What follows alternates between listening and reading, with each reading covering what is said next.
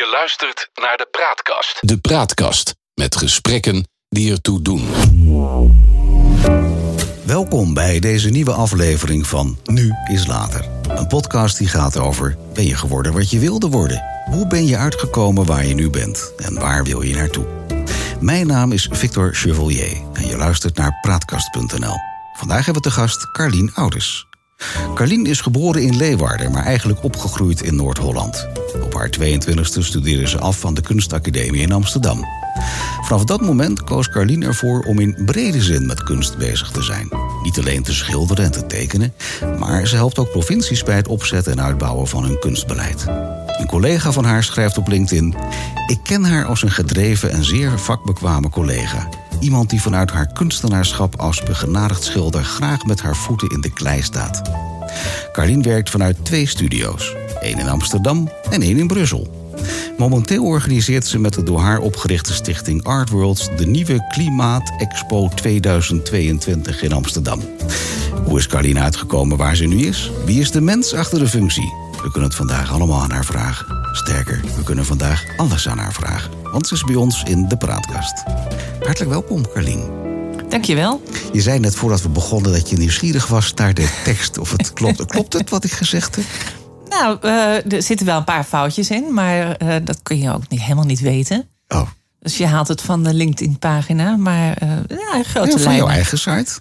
Van mijn eigen site, ja, ook? zeker. Ja, ja. ja nee, de grote lijnen klopt het wel. Oké. Okay. Het is, dus ik ben alleen ehm, de eerste 18 jaar wel groot geworden in Leeuwarden. Toch? Oh, je bent veel langer in Leeuwarden ja, geweest. Dus je, je, bent wel een beetje Fries. Uh, nee, dat ben ik helemaal niet. Maar... Ondanks die 18 jaar ervaring niet. dat, maar dat komt door mijn ouders. Ja. Oké. Okay, Hey, um, jij bent een kunstenaar, zoals ze dat zo mooi noemen. Um, ik, ik, ik, zei je voordat we aan deze uh, podcast begonnen ook al van dat ik daar persoonlijk heel weinig ervaring mee heb. Ja. Uh, ik weet nog dat ik met mijn toenmalige vriendin een jaar of twintig geleden in Nijmegen met een, een uh, kunstenaar zat te praten. En uh, we kregen al gelijk een vraagstelling van wat is kunst nou eigenlijk? En we kwamen er niet uit bij om daar een goede omschrijving van te mogen maken. Dus ik wil dat eigenlijk als eerste vraag aan jou stellen, omdat jij al jaren een uh, nou, begenadigd kunstenares bent. Durf jij een omschrijving te maken in een paar zinnen wat kunst nou in zijn algemeenheid is? Ja, um, nou, allereerst is het datgene wat iemand gemaakt heeft en um, besloten heeft dat dat kunst is. Wat de ander daarvan vindt. Ja, dat is een, besluit. besluit. van ik heb nu. En dan moeten andere mensen ook nog eh, vinden dat het kunst is. En dan uh, hang je het of zet je het ergens neer of je laat het ergens zien aan een groot publiek. En uh, nou, dan zal er altijd wel iemand tussen zitten die zeggen dat het geen kunst is. Nee. Dat is precies ook het probleem. Maar, uh, dus ik, ik heb het nooit een hele interessante discussie gevonden. Ik vind het ook altijd een vermoeiende discussie. Om uh, dat het, het kijken in de weg staat. Hè? Weet je, je ziet iets, je vindt het mooi of je vindt het niet mooi. En als je je dan gaat afvragen of het kunst is, ja, dan, dan ga je met andere ogen kijken. En dan kijk je eigenlijk van, ja, wat vindt de galerie ervan? Wat vindt het museum ervan? En dan heb je duizend en één meningen en duizend en één uh, uh, belangen die erachter zitten. Waarom iets mooi kan zijn of niet mooi. Het is echt heel lastig. maar het zit bij jou echt in, jou, in jouw bloed. In, in, in, de, in de zin dat jou heel snel um, die richting op wilde. Ja. Weet jij nog de leeftijd, hoe oud jij was, dat je echt uh, zei van ja, dat wordt mijn toekomst. Ik word kunstenaar. Poeh, nou, dat is nooit bewust geweest. Ik denk dat ik de meest onbewuste. Uh, ja, ik ben ook nooit zo bewust kunstenaar. Maar um, ik tekende altijd en dat kon ik ook. En ik weet was je wel. Goed in. Ja, ik weet dat ik op de kleuterschool zat en dat ik een tekening moest maken en of ging maken en dat waren vogels die vlogen. Ja. En dat die juffrouw tegen mij zei: sta jij altijd als je tekent? Dus zonder dat ik het in de gaten had, was ik gaan staan en ik stond er gewoon. Echt dus, helemaal los te gaan. Ja, ja, ja, ja, het was iets waar ik me in kon verliezen. En ja, wat ik ook goed kon. Ik kon mijn eigen hand volgen. En ik dacht, oh wat mooi, die lijn. Mm -hmm. En uh, ik kom ook uit een, uh, een heel creatief gezin. Dus mijn vader die schilderde ook. Oké. Dus die, dit ook, werd ook, ook als beroep, beroepsmatig schilder. Ja, ja, ja. in die zin was hij later wel. Hij was opgeleid, hij vroeger gevaren en daarna ging hij aan de wal. En nou ja, die baan dat vond hij wat minder. Dus toen is hij naar de avondkunstacademie gegaan. En, en die heeft er ook zijn brood in kunnen verdienen? Ehm, ja, nooit helemaal. Maar hij, hij, hij, was, hij maakte aquarellen. Mhm. En die verkocht hij. Oké. Ja, in een galerie. Ja. Maar jij, bent nu iemand die uh, de kunstacademie gedaan heeft. En wat ik zo snel gekeken heb op LinkedIn, heb je dat op, op twee plekken gedaan? Nee, ik heb, uh, de, sorry, ik heb de kunstacademie Academie Minerva gedaan in Groningen. Ja. ja. En ik ben tijdens de academie ben ik naar Amsterdam verhuisd. Dus uh, ik wou toen eigenlijk hem afmaken in, uh, op de Rietveld. Maar toen zeiden mijn docenten van, uh, het maakt eigenlijk niet uit. Want wij geven en je kan bij Minerva afstuderen en in Amsterdam wonen. Dat was een hele vrije tijd. Dat maakt allemaal niet uit. Nee. nee. En uh, ik heb rond mijn dertigste was ik, toen heb ik nog een jaar een leraaropleiding gedaan.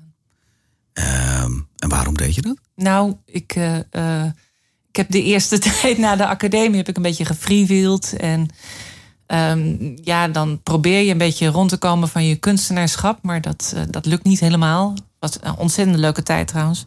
Ja. En ik had altijd bijbaantjes om, om je hoofd geld te verdienen. Ja. En die bijbaantjes, die, dan was ik telefoniste of ik, ik deed iets administratiefs. Maar ik had daar altijd een positie waarvan ik dacht van... goh, de telefoon gaat, maar hij gaat eigenlijk nooit voor mij.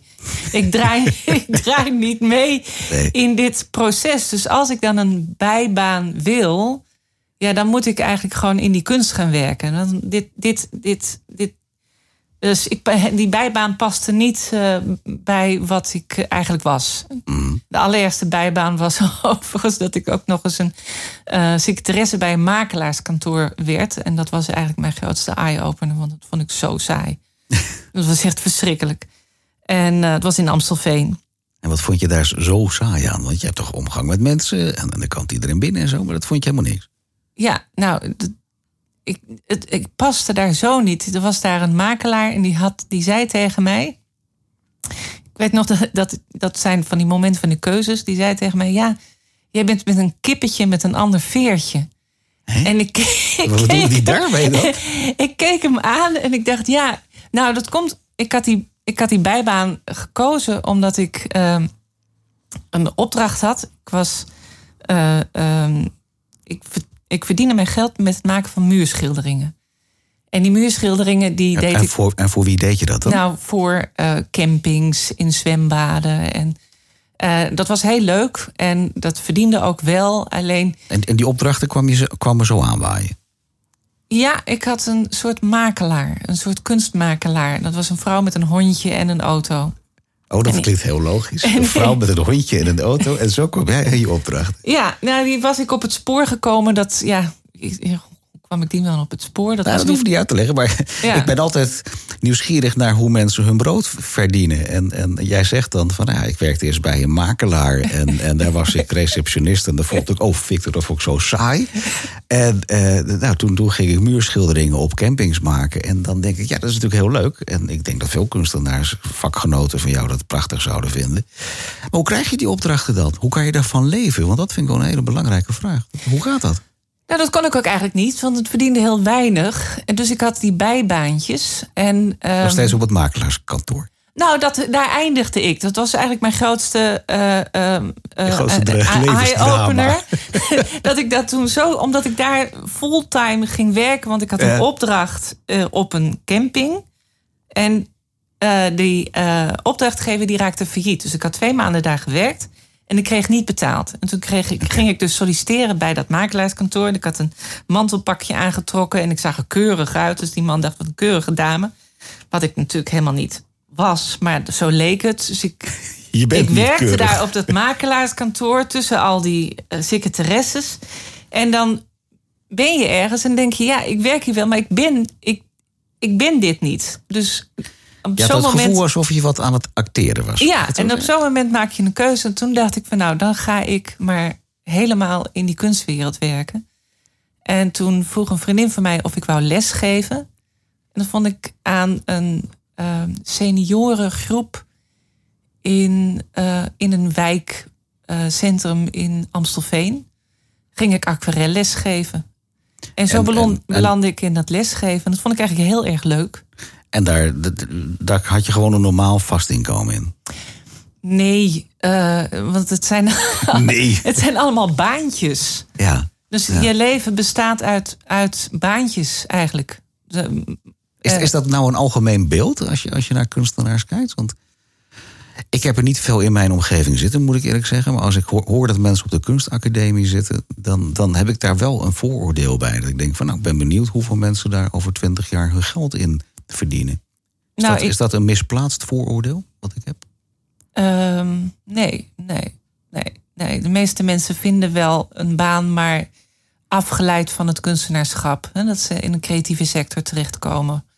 Of, um, of ze gaan helemaal iets anders doen. Of, uh, ja, wat, gaan... wat, wat vind jij als mens daarvan? Dat dat zo werkt? Dat we heel veel mensen opleiden die eigenlijk in een hele andere sector uitkomen? Ik heb, uh, want ik ben uiteindelijk bij uh, Zimik terechtgekomen toen ik rond een jaar of 32 was. En Zimik was een provinciaal. Simic heet dat? Ja, provinciaal ondersteuningsorganisatie. Voor amateurkunst en kun, uh, kunstbeoefening in de provincie Utrecht. En daar werd ik dus uh, adviseur voor de provincie. Dus dat was best een redelijke baan. Maar gewoon een betaalde en toen zei ik, ja, ja, ja. En toen zei ik tegen mijn directeur... eigenlijk is een kunstacademie de meest misleidende opleiding. Mm. Want je leidt mensen op als kunstenaar. ik ben nog in een tijd opgeleid dat je vooral ook iets moest doen. Iets ontwikkelen uit jezelf. Dus er was helemaal geen vraag naar wat jij maakte. Dus je moet het, en dat is ook prachtig aan het hele werk. Je hebt iets in je hoofd en je maakt dat. En ja, en dan moet je maar kijken of mensen dat willen hebben. Nou, en daar geld voor over hebben. En daar geld voor over hebben, ja. ja. En dat is prachtig en dat is heel mooi voor je ontwikkeling. Maar het is ook heel verwarrend, want je komt in de maatschappij terecht. En die, uh, ja, die zit helemaal niet te wachten op, uh, op jouw schilderijen of op jou. Was dat een teleurstelling voor jou toen jij er zelf achter, achter kwam in die tijd? Nee, ik was er heel realistisch in. Ik wist dat eigenlijk altijd al wel. En toch ik, kies je daarvoor? Ja, omdat ik van tekenen hield. Ja, ja ik kon niet maar anders. dan is die drive dus zo groot in jou dat je, dat je denkt van ja, ook, ook al moet ik droog brood eten, ik ga dit doen. Ik ga de hele dag tekenen. Overdrijf hem even. Ik denk dat ik er helemaal niet bewust mee bezig was. Ik dacht van nou dan verdien ik op een andere manier wel mijn geld. Ik heb, ja, dat klinkt heel raar. Bij mij is dat nooit helemaal een probleem geweest. Behalve Hmm. dan als ik een tijdje geen geld had, dat ik dan een, een baan zocht. En uiteindelijk ben ik terechtgekomen rond mijn dertigste in een soort van stabiele situatie. Waarbij ik kon lesgeven. Ik was adviseur geworden. En ik kon aan projecten werken. Ik kon andere mensen begeleiden. En ik denk wat wel belangrijk is, dat ik um, toen ik de academie deed, ontdekte dat uh, het ook niet als kunstenaarschap, dat je niet voldoende aan jezelf hebt. Dat, ja. Je, je leidt je op als kunstenaar. Je moet alles um, uh, zelf verwerken tot een kunst, uh, kunstwerk. Maar het is een heel solistisch proces. En um, volgens mij vond ik dat te eenzijdig. Dus ik, toen ik op de academie zat, toen ben ik me ook aan gaan melden voor Amnesty International. Ik dacht, het kan niet zo zijn dat ik me alleen maar met mezelf hoef bezig, moet bezighouden. Ik moet, die wereld is groter dan mijn, dan mijn werk. Het klinkt ook heel erg eenzaam eigenlijk. Ja, dat is het ook. Ja. Ja, het is prachtig. Uh, maar dat is het ook niet. Want goede kunstenaars, of tenminste goede... Uh, de kunstenaars die het uh, prettig hebben... die halen de, de wereld in hun werk. En die communiceren ook met hun werk naar buiten toe. Dus als dat gebeurt, dan vallen dingen op hun plek. Maar voor die tijd, ja, ik, ik heb best wel veel kunstenaars ook eenzaam zien worden. Ja. En ook zien worstelen met uh, hun werk. Uh, uh, ze maken iets ehm, wat reflecteert op wat ze meemaken. Dat proberen ze uit te leggen aan de ander, maar dat lukt niet altijd. Weet je, daar zit, daar zit een. Daar zit een, uh, een, een, een, een soort ruis op de lijn. Dat dat niet echt overkomt zoals zij het bedoeld zouden hebben. Ja. Dat is een beetje hoe je het ja, zegt. Ja, ja. ja. Maar even terug naar jou, want je was rond de 30 en, en ik dacht even dat je toen fulltime voor dat bedrijf werkte, maar je hebt ook nog steeds daarnaast les gegeven, dus je had eigenlijk drie banen toen in die periode. Begrijp ik het goed? Um, ja, nou, ik gaf cursussen en ik gaf incidenteel ook wel eens uh, gastlessen op de academie. En ik um, werd dus adviseur bij um, uh. En daarvoor heb ik een uh, groot project gedraaid in Noord-Holland. En zo ben ik een beetje in die, in die wereld, officiëlere wereld terechtgekomen. Maar, Wat is die officiëlere wereld dan? Nou, die ik belandde in de. Uh, dit wordt volgens mij een hele rare podcast. Even niks, daar, zijn we voor. ik belandde uh, zo rond mijn dertigste een beetje in de tijd dat uh, het actieplan Cultuurbereik ehm, bestond. En dat was een regeling om uh, veel te investeren in lokale kunstbeoefening. En lokale kunstbeoefening is amateurkunst vaak. Dus en, en, en, wat was de doelstelling daarvan dan? Nou, om zoveel mogelijk mensen als missie met kunst en cultuur in aanraking te laten komen en mensen van te laten genieten. Okay. Met als idee dat we daar betere mensen van worden. Dat je een. Hè, dat is waar dat is de hele gedachte die zit, Victor. uiteindelijk leven we voor de kunst. Oh, oké. Okay. maar uh, bij wij. dat is ook echt jouw slogan? Uiteindelijk leven we voor de kunst. Ik denk dat uh, ik denk dat kunst een hele muziek, theater, uh, eten, uh, schilderen, dat dat, dat dat de cultuur is waar we echt van genieten. Ja. Oké. Ja. Maar, ja. Maar goed, dat was. ehm, dus in die tijd draaide ik mee in de wereld.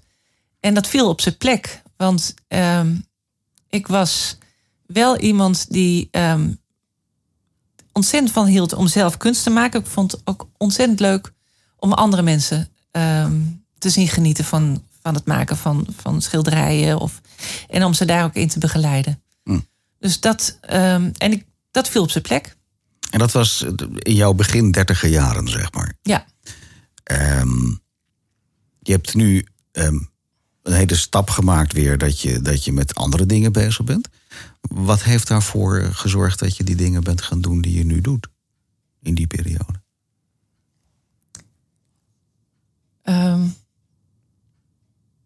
die stap tussen mijn dertigste en nu wat ik nu ja. doe. Uh, eigenlijk uh, doorgaan in waar je in gelooft.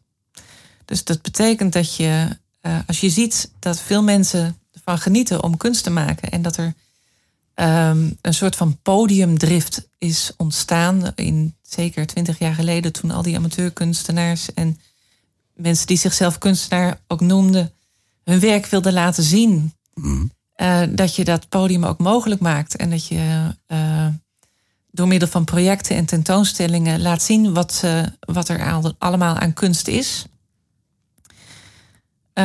dat. En daarin heb ik uh, de tijd meegehad.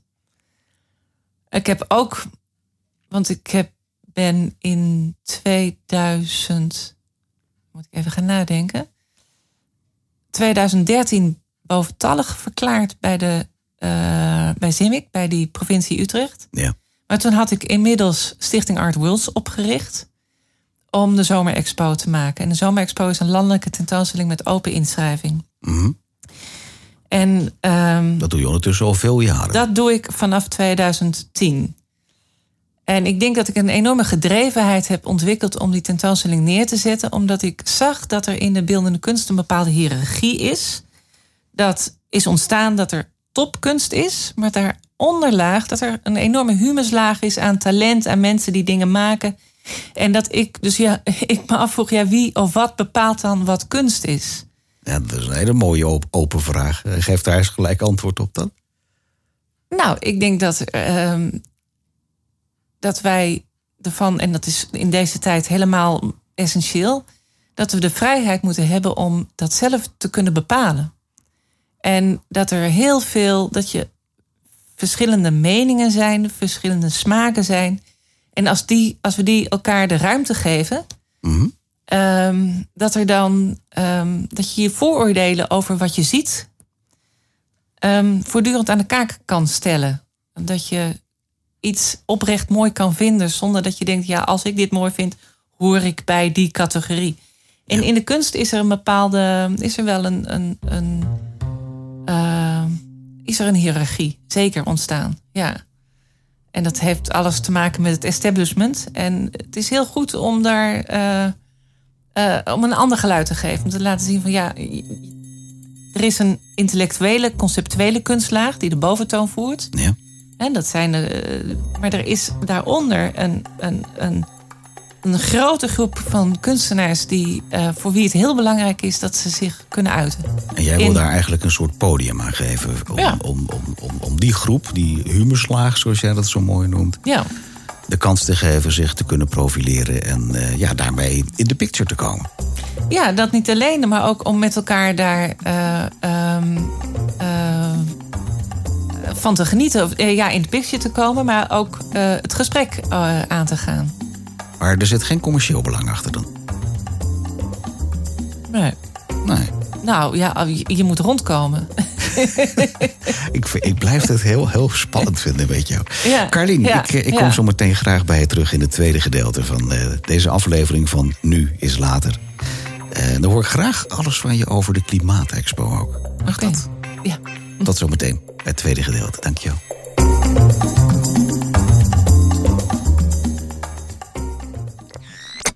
De Praatkast.